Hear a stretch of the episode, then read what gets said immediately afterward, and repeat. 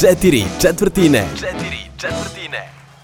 Dobar dan, danas je subota 27. novembar, ovo je podcast četiri četvrtine i ovo je vaša nedeljna doza muzičkog fiksa.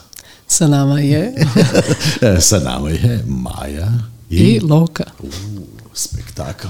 Dosta dobro zvuči. A sada krenemo na teme, imamo ih četiri. E, naravno, prva i naj, kako bih rekao, najhot tema ove nedelje je plata predsednika Universal Musica, koji je prošle godine zaradio 150 miliona dolara, što je više nego kada se saberu autorski honorari za sve e, autore, tekstopisce, kompozitore i aranžere u Velikoj Britaniji koji oni zarade od streaminga na godišnjem nivou. Znači, jedan čovjek je zaradio više nego kompletna autorska ekipa u Engleskoj e, za godinu dana.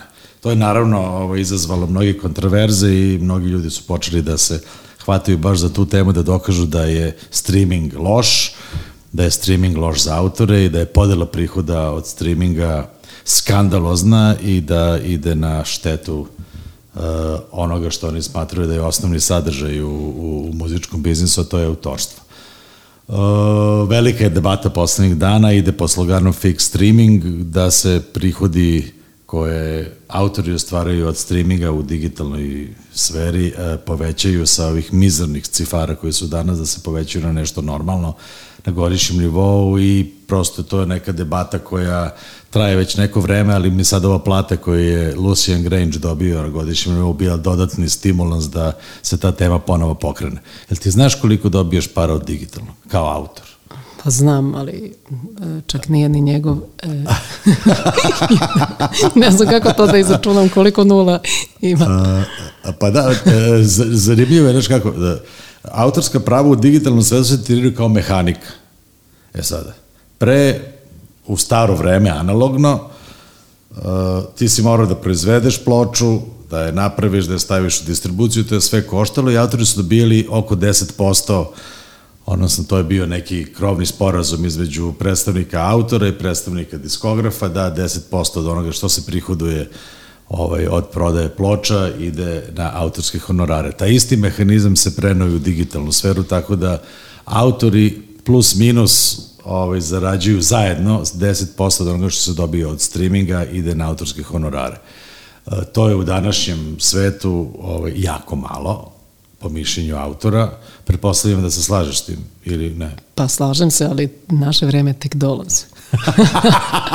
A da, možda, da, da, dolazi sigurno uh, tebi, a za mene to još ne znamo, to moramo da, da, da, da razmišljamo o tome, ali pojente u sledećem, uh, postoji jedna, kako bih rekao, jedna velika, velika grana industrije koja kaže da bi ti honorari, odnosno da bi podela od prihoda na streamingu trebalo da se nekako prekomponuje i da ti autorski udeli u tome ne budu 10, nego treba da budu minimum 30% od onoga što se zarađuje, što bi recimo trostruko uvećalo te prihode od autorstva na, na, na streamingu, ja ne mislim da će se to tako lako desiti i da će Igo prepustiti svoj deo kolača autorima, ali međutim borba je na jako visokom nivou. Ja negde znam koliko autori ostvaruju digitalnog u Srbiji, to je zaista mizerno, mislim, pošto kod nas je tržište ipak jako malo, ljudi nemaju, ne prave razliku između prihoda koji se napravi od streaminga u inostranstvu i prihoda koji se napravi u Srbiji, to je dosta velika razlika, jer je, ja mislim, 90% prihoda koje ljudi ostvare u Srbiji, muzičari,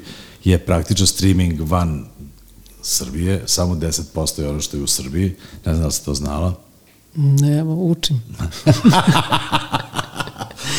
Ali svejedno mislim da je to legitimno, da je legitimno pitanje da se autorski honorari u streamingu treba da se povećaju. Ja kad bi me neko pitao negde da glasam, ja bih rekao da. Mislim da je 10% malo, mislim da bi trebalo da bude više. Šta ti misliš koliko bi trebalo da bude? Pa o, ozbiljno ili... Ne, ajde, najozbiljnije, neozbiljno, pa ne, ne, naravno ne. da je bilo 90-10 za autor. Pa A, a, a koliko bi onda dobila kao izvođač? Dva. Ti treba da dobiješ i kao autor, To je tačno. i kao izvođač. I nešto treba da dobije diskografska kuća koja je to sve uradila što je uradila, jako mnogi misle da oni ne rade ništa. Ove, što Pa ja dobro, mislim kako da- koji? A, tačno. Ima oni koji stvarno ne rade ništa. Ima oni koji nešto rade. Da. Koliko bi ti dala diskografiju? Od 100%? Pa znaš šta, ja sam svoje dilove e, radila uglavnom bez ugovora. Nećeš verovati da moji albumi i nemaju ugovore, tako da je to sve bilo prijateljski, nekako sve se kanalisalo uvek u bend. To je dosta loše. Kao koncept. no dobro, uh, nemamo puno vremena, uh, poenta je, autori su, nisu dovoljno plaćeni u streamingu, to treba da se popravi, to treba da se lobira, treba da o, krenemo u dijalog da se autorski honorari podignu na streamingu i ja to podržavam. Naravno, ne mislim da treba da dobiju 90%, trebali bi da dobiju po mom mišljenju između oko 20%, da interpretatori dobiju još nekih 20-30% i da ostatak bude za industriju koja to finansira. Dobro, ajmo odmah na drugu temu koja je srodna ovoj prvoj, to je da je Adele prodala najbrže i za već u 21. veku najprodavanija vinil. Uh, da, uh, to je, ona je uspela da prešiša Abu, koja je nedelju dana pre toga imala najprodavaniji vinil. To je potpuno neverovatno, znači cifre su sulude u obzirom da se vinil i fizičke izdanja navodno više uopšte ne prodaju. Znači, Aba je uspela da proda 203.000 komada u prvoj nedelji, odnosno od toga je 90%, odnosno 89% bilo u fizičkom obliku, znači to su CD i vinili. Vinila je bilo oko 30.000, što je prodavaniji prodavaniji vinil od najprodavanijeg vinila u ovom veku, što je bio prethodni album grupe Arctic, Arctic Monkeys. Tako da to mene dovodi sad u jednu ono, veliku dilemu gde smo mi sada? Mi smo praktično, mi živimo neka dva paralelna sveta. Postoji svet koji kupuje fizičke proizvode u nenormalnim količinama, znači 150.000, pričamo samo o engleskoj, nemam podatke no. ovaj, globalne, računaj da je to, recimo, pomnoži sa 3 ili 4, da su cifre na tom nivou.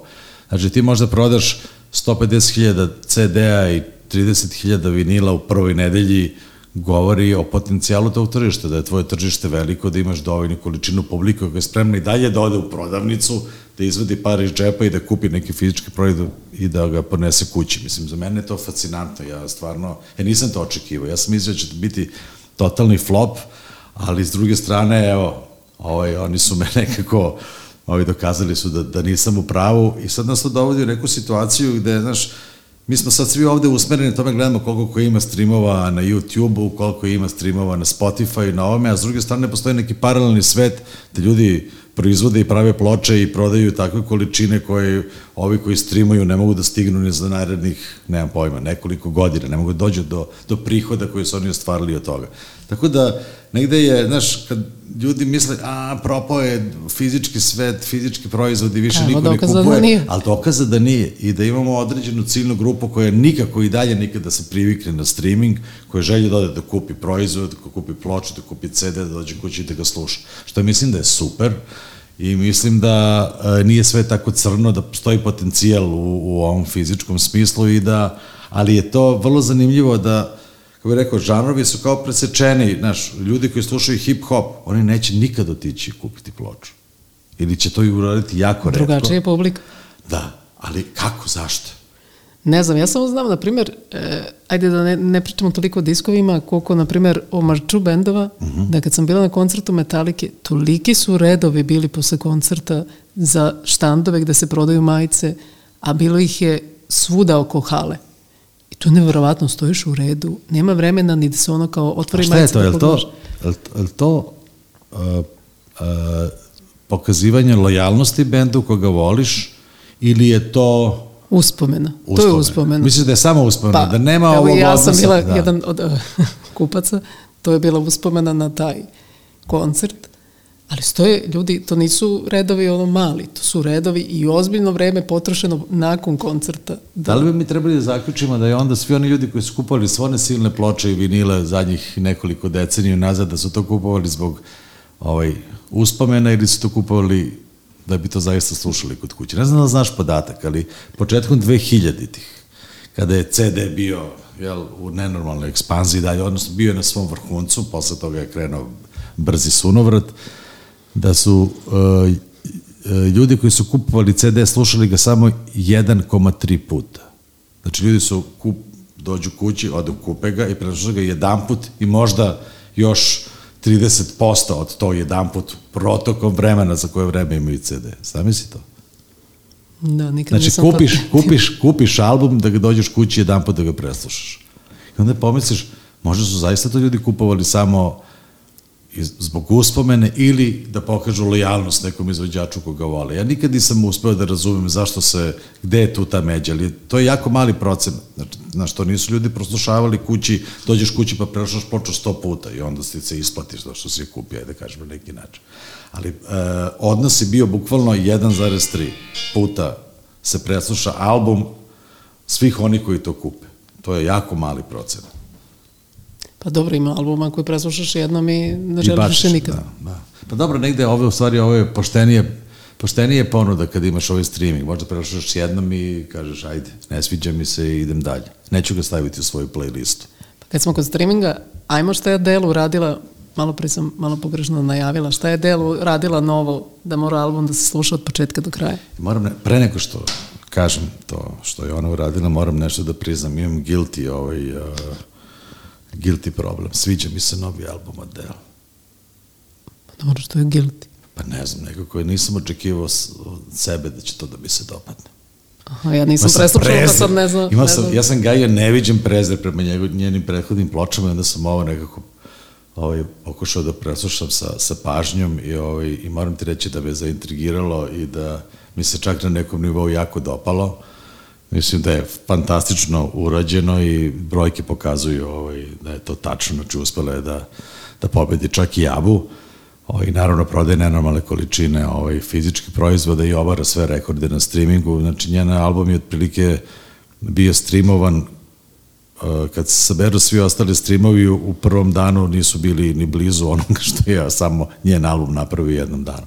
Ali ona je uradila jednu vrlo zanimljivu stvar koja je mene nervirala dok, od, kad god postoji Spotify i drugi streaming servisi, znači po, uh, pošto streaming servisi njih ne zanima uh, redosled koji si ti poređala na albumu. Ti kad odeš na album, ti pritisneš dugme i on po defaultu, odnosno prva komanda mu je da svira album kao shuffle, znači da vrti pesme po nekom svom Dobro. algoritmu.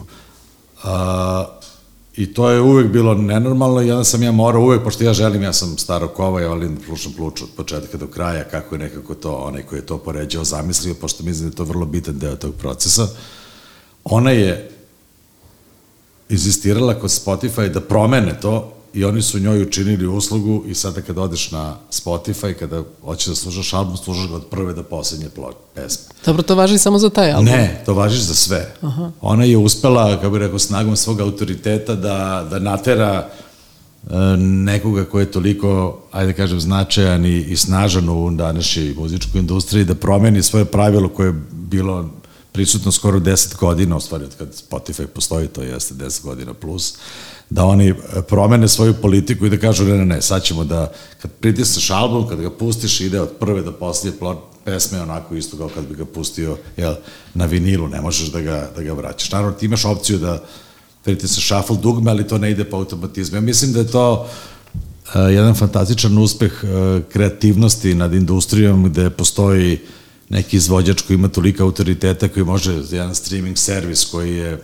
pa rekao sada, nadmoćni igrač u celoj toj igri da ih natera da promene pravila i mislim da je to dobro, hvala Del na tome i da albumi treba da se slušaju ovaj, od prve do poslednje pesme onako kako je to umetnik zamislio.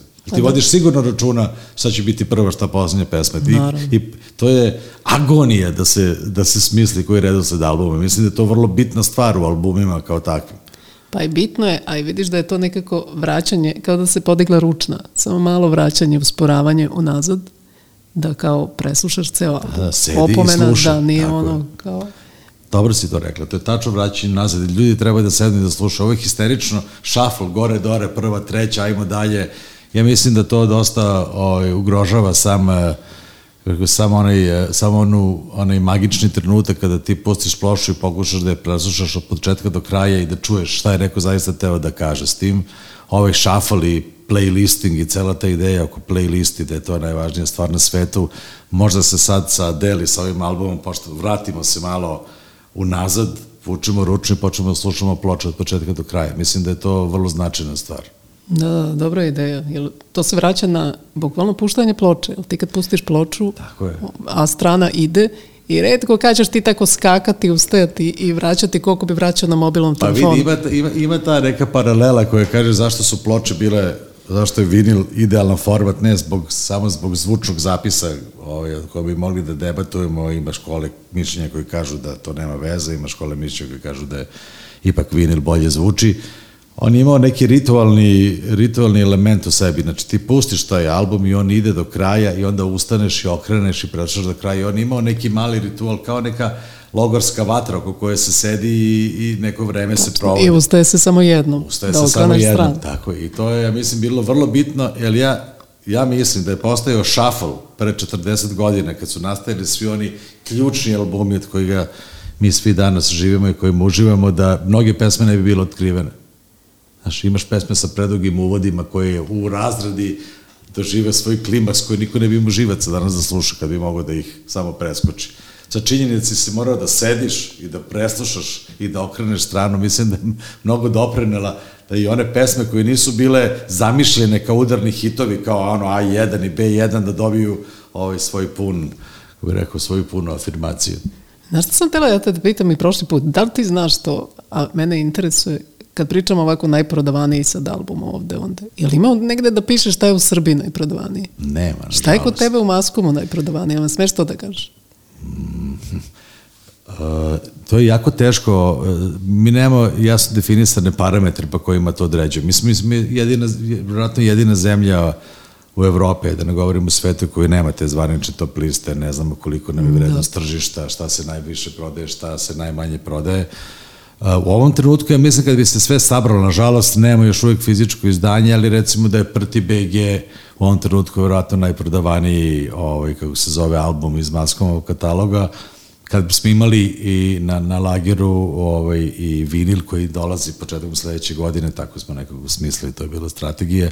Kad bi se sve to zajedno sabralo, mislim da bi to onda daleko bilo ovaj, na prvom mestu, pa onda nekoliko mesta ispod, pa drugi. Znaš, pojenta je u tome, znaš, te- tebi uh, milion streaminga donese para, odnosno prihoda koliko i par desetina prodatih ploča, znaš šta, mi merimo po prihodu.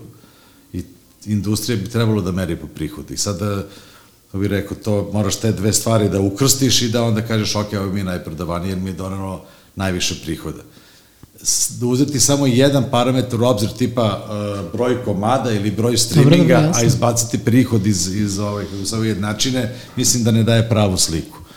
A, mi to, nažalost, nemamo. Nema ni jedan industrijski parametar koji bismo rekli kolika je vrednost tržišta, koliko je ukupno tržište, koliko je digitalno tržište u Srbiji, koliko je fizičko, mi ništa ne znamo od toga.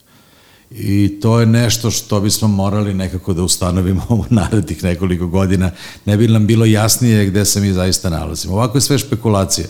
Ovaj misli da je najpopularniji, one priče da je najpopularniji, svako može sebi da okači ovu značku, ja sam najpopularniji, ali e, slika je negde verovatno drugačija. Znam, znam otprilike kako žanrovi funkcionišu, ovaj, to negde otprilike znam šta je najslušaniji žanr, nažalost rock and roll je dosta u.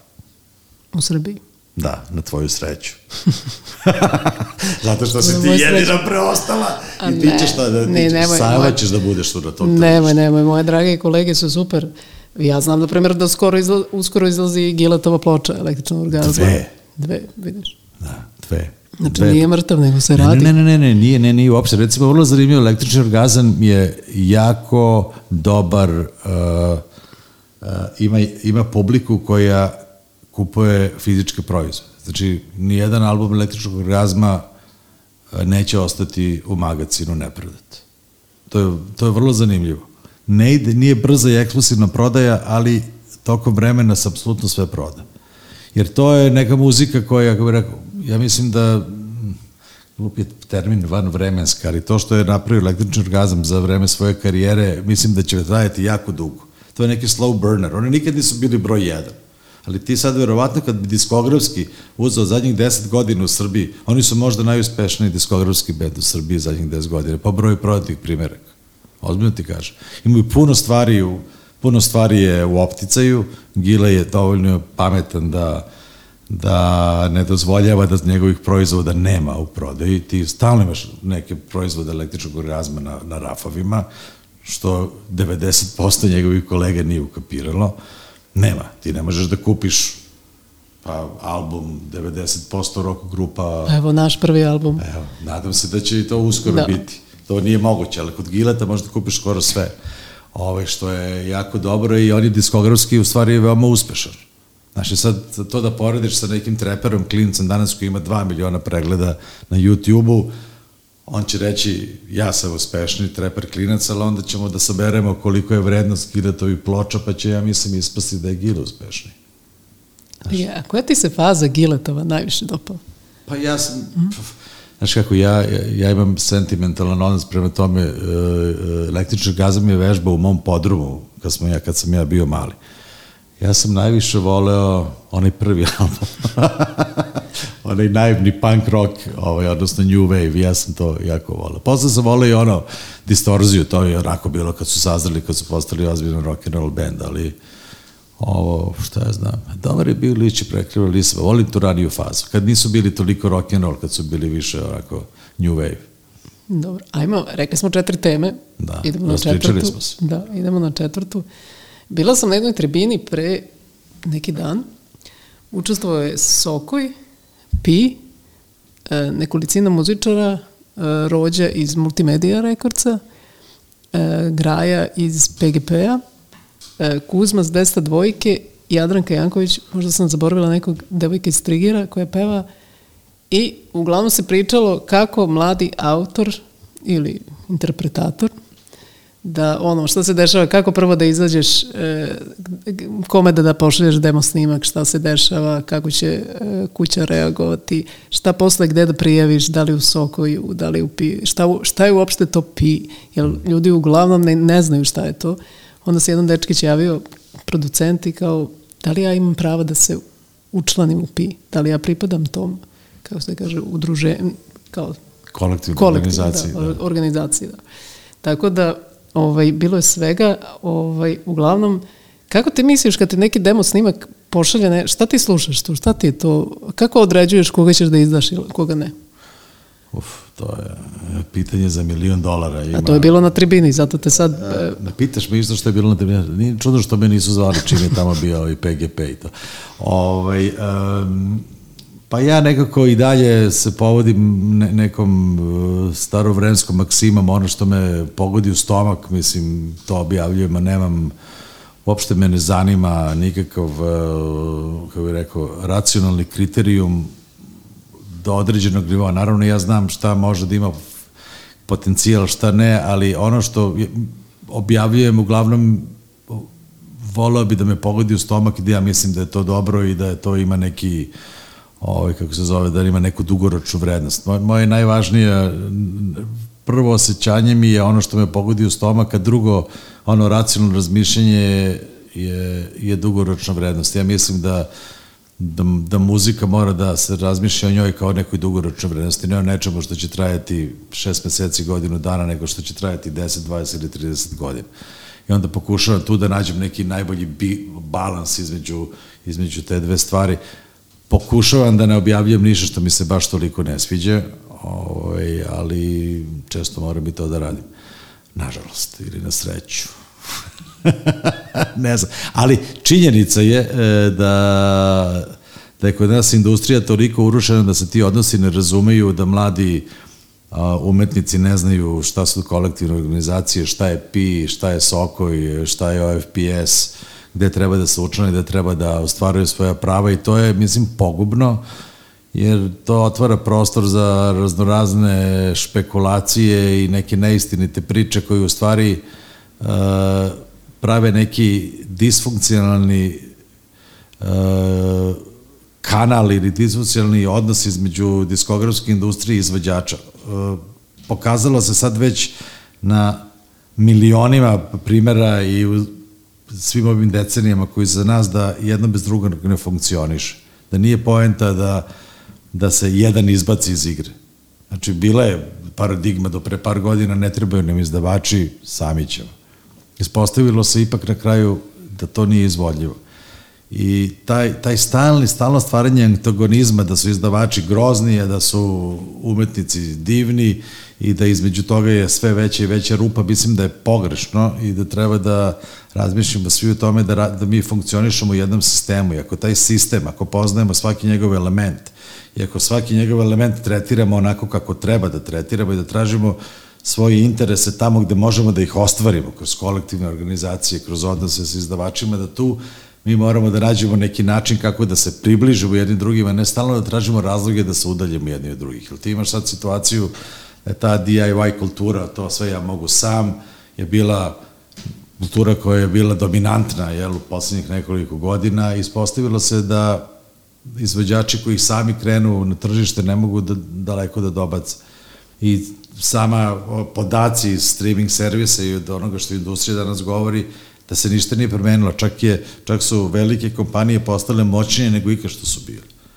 U prvih 100 najstreamovanijih pesama na svetu 90% je, je, su major kompanije. Što je, kako je rekao, dokaz da bez podrške kompanije, bez ozbiljnog sistema koji će da uloži u marketing, promociju, da ti pomogne da se ti razvijaš kao izvođač, da, da to ne može da funkcioniš. I to je, ja mislim da su te tribine, ovaj, kako rekao, dobro došli, da treba da postoji više, više dijaloga i da treba da nam fali strašno puno obrazovanja. Posebno kod mladih izvođača, oni moraju da sednu i da shvate gde treba da se učlane, gde treba da ostvaraju svoje pravo, oni to ne znaju. Ja sam siguran da za PIB ne, ne znam. Da, da, ne znaju, ne znaju. Baš su bili, uh, baš dosta je bilo tih nekih, kako bi rekla, basic pitanja, ono da ne znaju osnovne stvari.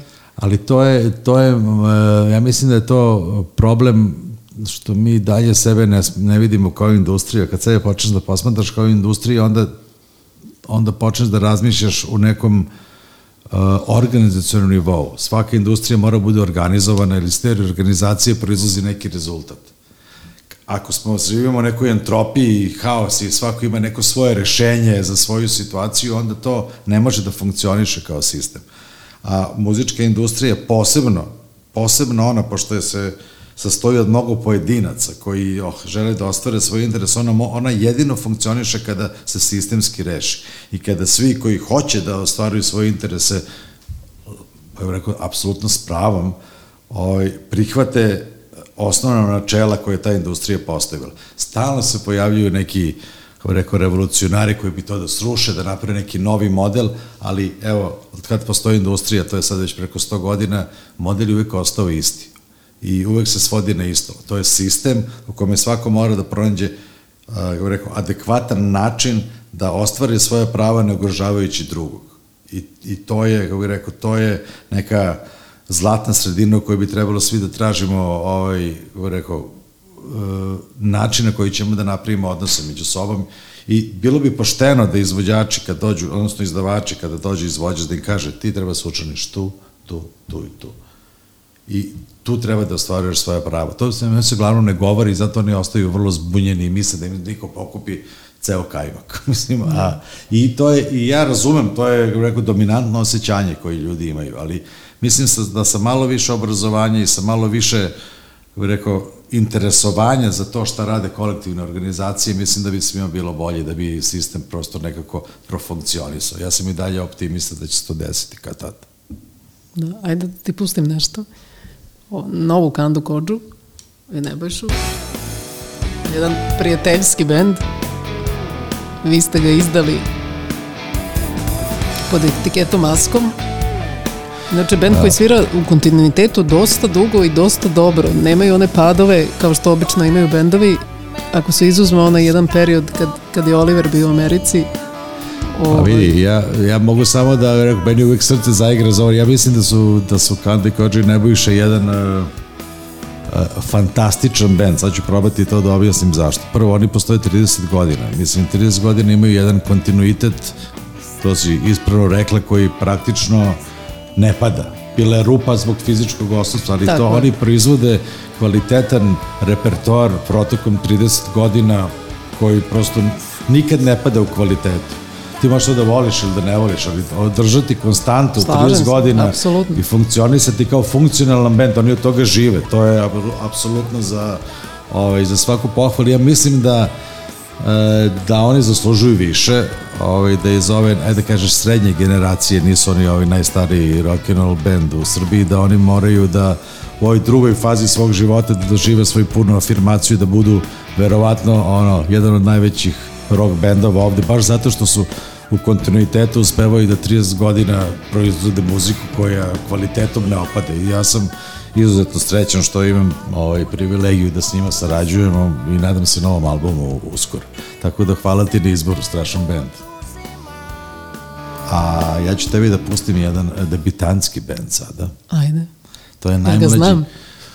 Pa, verovatno ne znaš, ti sa, sa svih tih svojih visina ovaj, ne gledaš nove debitante. To je, jedan, to je najmlađi punk, beogradski punk band, zove se Crna lista, završili su album juče. Ovo je pesma Tebi dajem sve. Ostaviš, ja neću više biti mlad, ako me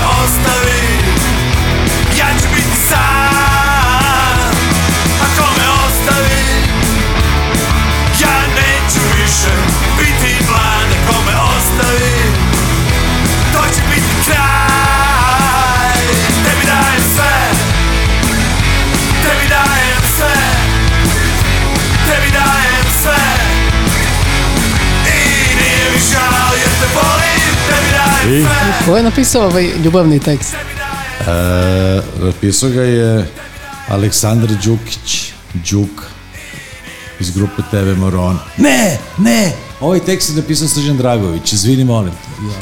Ovo je napisao Srđan Dragović, da. Šta kažeš? Pravi ljubav.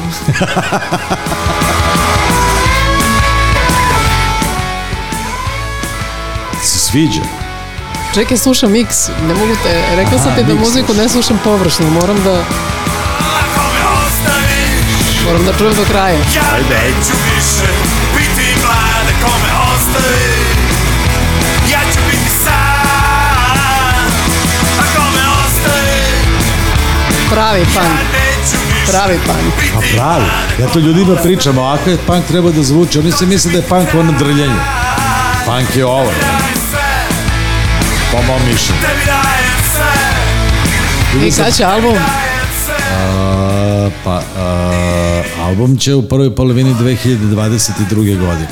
Sa godinu dana zakašnjenja zbog korona. Znači, mix je gotov skroz, sve je gotovo. Da, Spreman pa, omak, su spremne fotografije.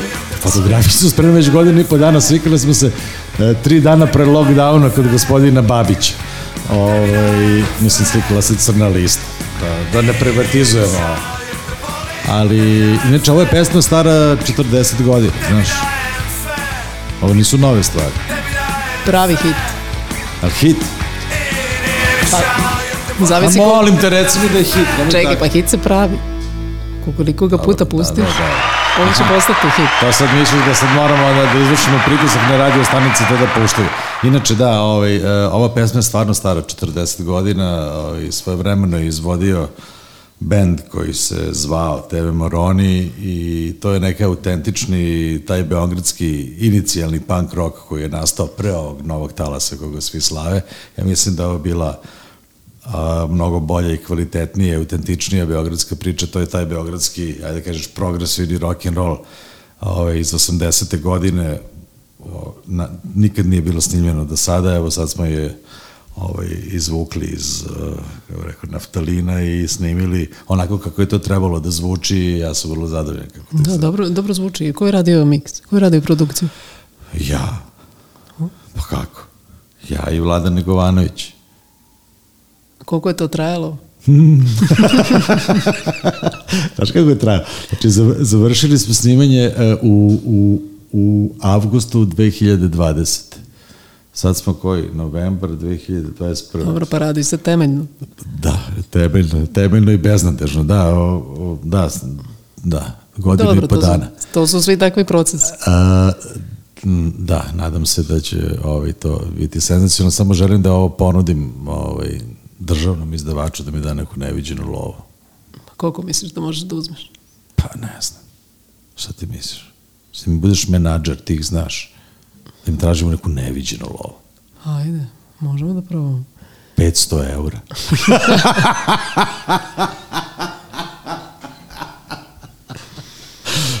Ali na račun. Avansno. Je li to to?